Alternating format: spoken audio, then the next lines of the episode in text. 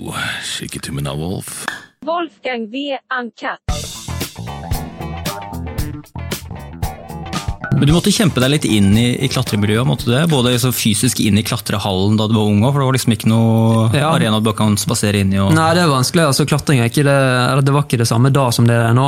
Eh, Nå er det tilgjengelig for absolutt alle, men da var det sånn, sånn underground-sport som ja, Klatrehallen i, i Bergen var liksom, det var ingen ungdomsgruppe, eller sånt, så, så jeg måtte leie en sivilarbeider. og Han var kun tilgjengelig én gang i uken. Eh, Så i begynnelsen så var det liksom den ene gangen i uken jeg gikk og så frem til. da. Og så når jeg etter hvert begynte med mer aktivt, så, så holdt jeg på stort sett selv. Mm. og nivået i Norge var jo veldig veldig lavt på den tiden. Mm. og det, selv om jeg bare var 12-13, så, så innså jeg liksom Jeg vant junior-NM etter bare ett år med trening. Ja. Uh, og selv om det var mm, altså, tilfredsstillende å vinne junior-NM, så hadde jeg et veldig sånn bevisst forhold til at nivået altså Grunnen til at jeg vant, var fordi nivået var så lavt som det var. Og jeg ville sikte høyere. Mm. Sa du det høyt? Eh, på måte var det du kunne liksom på en måte Hei, jeg, jeg tror jeg skal satse litt, det var litt lavt nivå her. Det- Nei, jeg sa ikke det høyt. Det var liksom ikke sånn tradisjon for å si sånne ting høyt den gang. Eh, Da ville du omtrent bli banket opp. Eh, Men nå i det siste så hører du alle snakke veldig høyt om målene sine, og det har blitt en trend. Jeg tror det er sånn type Northug og sånt har startet den trenden. eh, At du, du må si målene høyt for, for å tro på det selv, og bare for å altså Da forplikter du deg til de målene i høyere grad. da. Eh, Men jeg har liksom, jeg føler nesten at en del av de som sier målene høyt, de tror, de tror ikke på det selv engang. Så jeg absolutt, eh, jeg tenker det å, det å si mål, mål høyt har en verdi, du, men du må faktisk tro på de målene. Eh, Det er det viktigste. Mm. For, for, Sette seg mål som idrettsutøver det er jo veldig logisk og på en måte også sånn, eh, kanskje essensielt viktig for å komme noe sted og komme dit du vil. Men altså, kan du på en bygger du det videre på liksom sånn andre ting du gjør i livet, sånn som pod, eh, ikke podcasting, men YouTubing. Sånn. Setter du veldig klare mål der, eller tenker du at det er liksom mer sånn seigliv og langt prosjekt som bare må bli større? Ja, nei, Jeg har liksom aldri hatt, jeg har hatt nok driv til å, til å bare altså Når det gjaldt klatring, så var det alltid å bli bedre. Ja. Og så var det det at jeg, jeg likte å få den lille motstanden. av det at det var, sant, så Da jeg begynte å klatre, så ble jeg fortalt at det var aldri noen nordmann som kom til å bli god internasjonalt. Eh, Hvem var det som sa det? Nei, masse, masse folk i alle. Det er derfor jeg ikke turte å si, si målene mine høyt. Eh, Det var ingen som hadde vært god før meg. og ja, jeg tenkte jo eh, Altså, jeg tenkte at eh, det kan, kunne være de hadde rett, men eh, jeg skulle i hvert fall prøve å motbevise det. Um, det var var der- ja. Ja, nei, det, var, altså, det var derfor også jeg skjønte at okay, Norge er ikke et sted å være heller. For uh, hvis jeg har lyst til å bli bedre, så må jeg, må jeg trene med de beste. Mm. Og Derfor så dro jeg til sånn som Østerrike på den tiden var liksom den sterkeste nasjonen. Og hvor gammel var du da igjen? Da var jeg 16 år, cirka. Ja, og da var du full, og, og kanskje på nivå over alle de norske utøverne som Ja, da var jeg allerede og, altså, ja, Jeg fikk ikke lov å delta i senior-NM eh, før jeg var 16. Men eh, jeg, jeg tror jeg egentlig hadde vunnet det før da òg. Men hvorfor var det, var det bare sånn en gammel regel, så sånn er det bare, eller? Ja, de mente bare at eh, det var ikke, det var ikke bra for eh, Altså, jeg vet ikke hvor Jeg ser, jeg ser ingen logisk grunn til at en som er god nok, ikke skal få delta, men eh, Hmm, er det sånn klassisk sånn eh, bli holdt nede når du er ung, ikke tro at du er noe litt klassisk jante? Ja, det er, nok, det er nok noe med det, kanskje. Men skjønte du veldig tidlig at, sånn der, eh, at eller hadde, hadde du merka at du hadde et slags talent for det? Både, både inn- altså, Du merker selvfølgelig at du har glede av det, og så videre, men så du, hm, dette her er jeg faktisk ganske god på. Ja, Helt i begynnelsen så var jeg ikke så veldig god, egentlig. Eh, men, jeg, men jeg bare likte det utrolig godt. Det var, sånn, det var det eneste jeg hadde lyst til å gjøre. Ja. Fra første gang jeg prøvde det, så var det det eneste jeg lå og tenkte på. og Liksom, gledet meg til neste gang jeg skulle få lov å klatre. Um, og så tok det kanskje et halvt år, og så var det sånn, et lite sånn vendepunkt. da, Hvor jeg liksom bare plutselig ble veldig mye bedre. da. Um, og ble god nok da til å vinne junior-NM uh, bare et år senere. Hva Husker du hva du ble sånn plutselig mye bedre på? Um, nei, jeg tror det var litt det at jeg var litt sånn skeptisk og litt redd kanskje i begynnelsen. Uh, og så fort jeg ikke Altså, frykten for å falle og sånt gikk over. Så, for jeg tror alltid den fysikk, fysikken var ganske bra, men jeg hadde ikke helt hode og teknikk og liksom ja, Det var mye med det da som, som ikke var på plass. Men uh, så fort, så fort det falt litt mer på plass, så, så ble jeg veldig fort bedre. Mm, ja. Var det var det det plukka opp i den der klatrepodden du var med i nå i mai? For øvrig en veldig bra episode der, verdt å sjekke ut. Eh, Da var det så, fikk du ikke liksom motstand på det der som at du klatra på en litt sånn spesiell måte som kanskje ikke de andre gjorde, og så ble du liksom sånn satt på plass liksom sånn teknisk. Jo, altså sånn har det jo hele tiden altså når jeg begynte å klatre, så var det også det at du, du skulle ikke klatre inne hvis det var fint vær. Spesielt i Bergen, hvor det nesten bare regner. Eh, så, så må du liksom komme deg ut da, når det er fint vær. Men uteklatring og inneklatring er ganske forskjellig, og inneklatring, altså konkurranser foregår på inneklatring eh, innendørs. Um, og jeg var fullt klar at altså, jeg hadde, mitt eh, hovedmål var å bare bli så god fysisk som, som overhodet mulig. eh, og gjøre det bra i konkurranser. Så jeg var også inne selv når det var fint vær. Uh, jeg sa det ikke høyt til noen, men det var jeg. Um, og I tillegg så hadde jeg en veldig spesiell måte å klatre på. Eh, jeg klatret mye på fysikk, brukte ikke føttene så mye.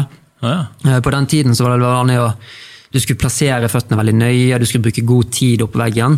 Mens jeg klatret kjapt og effektivt, brukte litt mer krefter, men sparte tid. Eh, og det var det også veldig mange som kritiserte. Eh, men, men den motstanden, på en måte, både mot det å klatre inne når det var fint vær, og også det å klatre på den spesielle tekniske måten, det føler jeg at kanskje har vært min største motivasjon. da.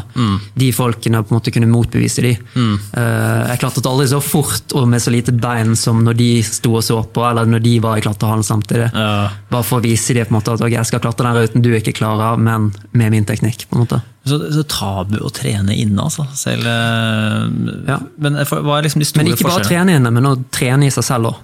Du skulle aldri si at du trente. Nei, det, det husker jeg du også Ja. sa i den klatrepoden. Det må du gå litt inn på. Ja, nei, altså, Du skulle bare være god, du skulle ikke trene for å være god. Uh, det var, da var du try hard. Eh, så folk trente i smug, da. Eh, men, det, men ja, jeg følte at Det er en barnslig greie, det. Sånn, sånn eksamensgreie. Sånn, jeg har ikke lest noe jeg, på eksamen. Det får bare gå som det går der. Ja, altså, Jeg tror folk oppfattet det litt sånn arrogant når du sa at du trente, men det er jo egentlig stikk motsatt. Det er jo arrogant å påstå at du er veldig god uten å trene, når du egentlig trener. Det er jo, Det er jo det. ja. Men, men ja, uansett, så jeg følte liksom at jeg nesten hadde mer motgang enn medgang den tiden fra andre og liksom rundt meg. Men jeg hadde, hadde jo samtidig veldig mange gode venner i Bergen som jeg stolte på, og som ja, var flinke. Um, og jeg tror jeg også ble veldig jeg ble helt sikkert veldig arrogant og sikkert oppfattet som det av de på, i klassen min. Um, for jeg meldte meg helt ut av skole og sånne type ting. Jeg fikk min egen sånn sosiale gjeng i klatremiljøet. Eh, og det var folk som var eldre enn meg, og som jeg så opp til. og Jeg, jeg syntes de var kule. De hadde bil, de kunne kjøre ut uh, vi skulle ut og klatre. Eller. Eh, så jeg stengte Altså, ja. Eh, fra jeg var kanskje 14 år, så levde jeg ingenting sånn her normalt ungdomsliv. Jeg var jo aldri på fester, klasseturer, var nesten ikke på skolen. Reiste bare rundt til type sånn østeuropeiske land og konkurrerte eh, i European Youth Cup og forskjellige klatrekonkurranser. Så ja. Og, altså folk, eh, Et av de mest vanlige spørsmålene jeg får, er om jeg føler at jeg har ofret mye. Men jeg føler jo absolutt ikke at jeg har ofret en ting. Eh, Og sånn må det føles. Jeg tror Hvis man er altså sånn som Jeg har hørt på noen av de podkastene du har med for MMA-utøvere, og sånt, og det virker også som de tenker på det på samme altså man er så oppslukt i det man driver med, at man føler heller man ofrer ting når man må dra på den klassefesten, eller dra på kino, eller dra i et bryllup, eller sånne type ting som tar tid vekk fra, fra treningen. Eller Ja. det, du, det er det du tenker på eh, dag og natt. Og, ja. Jeg kjenner meg ekstremt igjen i det selv, jeg, på sånn ikke-profesjonelt nivå. Bare sånn der, ta, jeg har jo to barn, to døtre, øh, og jeg har det prosjektet her. Jeg har litt uh, musikk, jeg har en, en jobb. og det er sånn, det er sånn, alt det sånn, De passion-tingene jeg har i livet, som jeg bryr meg aller mest om, det er sånn jeg merker at det blir litt sånn der, åh, faen, jeg liksom blir dratt litt bort fra det, irriterer meg litt. for det, liksom, det en kommer litt Når du er i den gode rytmen, da, som det gjerne på en måte er kanskje sånn på sommeren, mm. føler jeg på at nå, liksom, når ting litt nede sånn eh, Det er ikke så mye sosialt, det er ikke så mye liksom, jobb. Det er liksom litt sånn at man kan forme liksom, sine drømmedager og drømmeuker nå. Eh, og da blir man, og med en gang det kommer sånn avbrytelse innimellom det, så er det sånn der, ah, faen, liksom, må du liksom hente deg inn igjen. Liksom, og, og det er deilig å være i den der Eh, Spesielt forfattere snakker vel om det der, å være i bobla liksom på en lengre periode. Bare, liksom, bare dyrke det de holder på med, liksom, ustoppelig. da. Og Det er en fantastisk følelse. Ja, absolutt. Jeg, var, ja. jeg føler på en måte at jeg har vært i to bobler i livet mitt. Det var klatreboblen først. Eh, Og så sprakk den litt etter hvert. Mm. De siste årene jeg konkurrerte, så var jeg egentlig ikke motivert. Jeg skulle lagt opp to år før jeg egentlig gjorde. Det var ingen skade eller noe som, som førte til det. Det var bare jeg mistet sulten. og det man merka egentlig ikke at man mista den. Den forsvant bare gradvis. Eh, trente mindre og mindre, hadde alltid unnskyldninger for å gjøre andre ting. Og ble dårligere og dårligere. Um, Ja. Du, du la opp i 2017, og da merka du sånn Husker du det var sånn definitivt punkt bare sånn der eh, Nå merker jeg at dette her er jeg ikke interessert i. Nå må jeg faktisk legge opp. Ja, det var, altså I 2017 så flyttet jeg utenfor byen for å pusse opp et hus. Jeg begynte med YouTube. Startet Oslo Klatresenter, var med å starte Oslo Klatresenter. Og skulle bestemt meg for å satse til OL. Eh, OL skulle jo vært en gren nå i 2020 i Tokyo. Ja. Uh, nå blir det jo utsatt til neste år. Uh, så jeg bestemte meg for å gjøre alle de tingene på, på en gang. Eh, og det ble det som bare, det ble for mye. Og så var jeg i Italia og klatret, lagde YouTube-videoer. Og innså egentlig bare at ok, nå må jeg velge bort et eller annet. Eh, hva er det jeg har minst lyst til å gjøre? Og da ja, valgte jeg bort konkurranseklatringen. eh, Ringte til landslagstreneren og sa at eh, ja, jeg har mistet motivasjonen. Og han sa egentlig at han hadde, han hadde sett det og skjønt det, egentlig. Um, så det var Ja, for mange så er det trist å legge opp, men jeg følte egentlig bare sånn at det, det var en sånn her en tung sekk jeg hadde hatt på ryggen som jeg bare kunne slippe, på en måte, og nå kunne jeg fokusere 100 på det jeg drev med. da. Eh, eller det som jeg hadde lyst til å drive med. Selv om det var, det var jo nå når jeg ser tilbake på nå, så tenker jeg at det var et ganske sånn risky eh, move. liksom. For det, det var på den tiden hvor jeg tjente absolutt ingenting på YouTube. Eh, Konkurranseklatregreiene tjente jeg nesten aldri noe på. Eh, det var bare nok til å reise og sånne type ting. Eh, Men jeg klarte å spare opp litt penger opp gjennom tiden, og det- alt det satset jeg på Oslo Klatresenter. da. Eh, Så, så jeg gikk inn som aksjonær der. Eh, Så jeg hadde liksom ingen trygge bein å stå på. Jeg har absolutt ingen utdannelse. Så jeg visste liksom at okay, konsekvensen av at dette feiler, er at jeg må dra og få jobb på Kiwi. da. Som jeg egentlig aldri har vært veldig redd for. Jeg har alltid tenkt at ok, du må bare gjøre det beste ut av det nå, og så løser det seg senere. Og det å ikke ha en backup-plan, som er helt stritt imot det Olympiatoppen eksempel oppfordrer til, de mener at du presterer bedre hvis du har en backup-plan, eh, for da kan du slappe litt mer av. Mens jeg tror, jeg tror, der tror jeg folk er veldig forskjellige. Min personlighet så passer ikke det i det hele tatt. Jeg, jeg, må, jeg kan ikke ha noen backup-plan, for da, eh, da slapper jeg av. Og det, det er ikke bra for meg. Superinteressant. altså Det der med å ikke ja, ja, det der kan jeg kjenne meg litt igjen i selv også. det der med å, men Jeg kan se for meg din del, for din del, da, bare sånn, Vi kan jo gå litt inn i økonomien til en profesjonell eh, skal vi si, klatremiljø. da, For en profesjonelle i klatremiljø. Um, og det der med at du ikke Det er også sånn sikkert sånn idrettsutøvere, spesielt altså fotballspillere, alle liksom eh, som er talenter i tenårene, og så hører de du må ta utdannelse. Liksom, bare ha den backup. Og det er jo egentlig generelt sett, sånn, helt generelt så er det jo et godt råd. Altså Folk vil jo bare på en måte liksom at hvis det her feiler, noe du sannsynligvis gjør, eh, fordi du det er liksom når få fotballspillere så får det til, da, så har du iallfall den muligheten her. da. Men eh, samtidig også så er det jo spennende på at når du da gjør det til klatrelivet ditt, så vet du hele tiden sånn her må jeg levere 100 og den dagen er over, så må jeg finne noe annet å leve 100 av. da, Så det er på en måte trøkk der hele tida. da. Ja, det er det. Altså, når jeg startet å klatre, så var det jo ingen profesjonelle klatrere i Norge. Mm. Så jeg visste jo ikke engang at det var mulig å leve av det. Eh, Jeg tenkte egentlig bare at jeg skulle bli så god som jeg kunne bli, og så fikk jeg tjene litt penger på siden. Altså, du har jo eh, forskjellige jobber du kan gjøre i forbindelse med klatring. Altså, du kan være trener, du kan være rut- ruteskruer, sånne type ting. Instruktør. Eh, holde foredrag. Jeg tenkte at ja, det løser seg. Jeg fikk liksom Olympiatoppstipend, utviklingsstipend for de. Og så fikk jeg stipend for Norges Klatreforbund. Det utgjorde vel kanskje 80 000 i året. Og som altså 14-15-16-åring. Og jeg fikk litt små penger av sponsorer, også, sånn type 10 000 fra forskjellige. Eh, men jeg følte meg rik på den tiden. Jeg reiste rundt og jeg hadde råd til flybilletter og hotell. og ja, kunne kjøpe meg mat, og det var liksom Ja. Eh, Jeg var fornøyd med, fornøyd med det, liksom. Men hvordan, hvordan ser økonomien ut til sånn profesjonelle klatrere? For eksempel når du ble selv eh, skal vi si 1920-21, da, mm. og litt sånn begynnelsen av 20-årene, hvordan så liksom, hvordan er økonomien til profesjonelle Nei, altså Du skal liksom være blant de aller aller beste da, eh, for å i det hele tatt få noe som helst av sponsorer.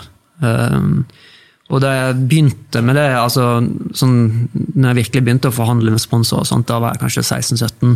Og på den tiden så handlet alt om CV-en din. Sant? Hva hadde du gjort i konkurranser? Hvor bra hadde du klart klatret ute? Hva var den hardeste ruten du har gått?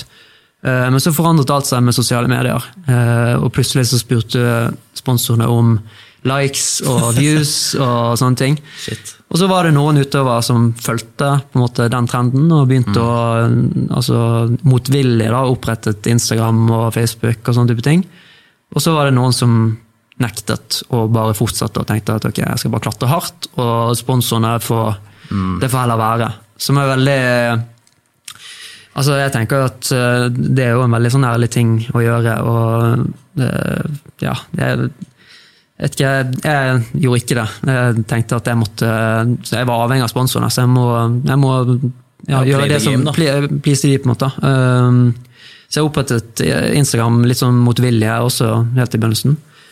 Og så ja, begynte jeg bare å laste opp eh, Først så var det jo bare sånn type klatrebilder. og sånt, helt, sånn, helt vanlige klatrebilder. Altså, men det var først når jeg lastet opp treningsvideoer da det virkelig tok av. Og det er igjen det liksom, med at klatremiljøet altså det er bare så stort. eh, men når du la- laster opp en sånn video at du gjør en finger pullups og sånne ting, så går det viralt også ut til folk som ikke klatrer, men som er interessert i trening. Ja. Um, Og tenker tagge hverandre og, fullt. ja, mm, det er en deling, masse delinger.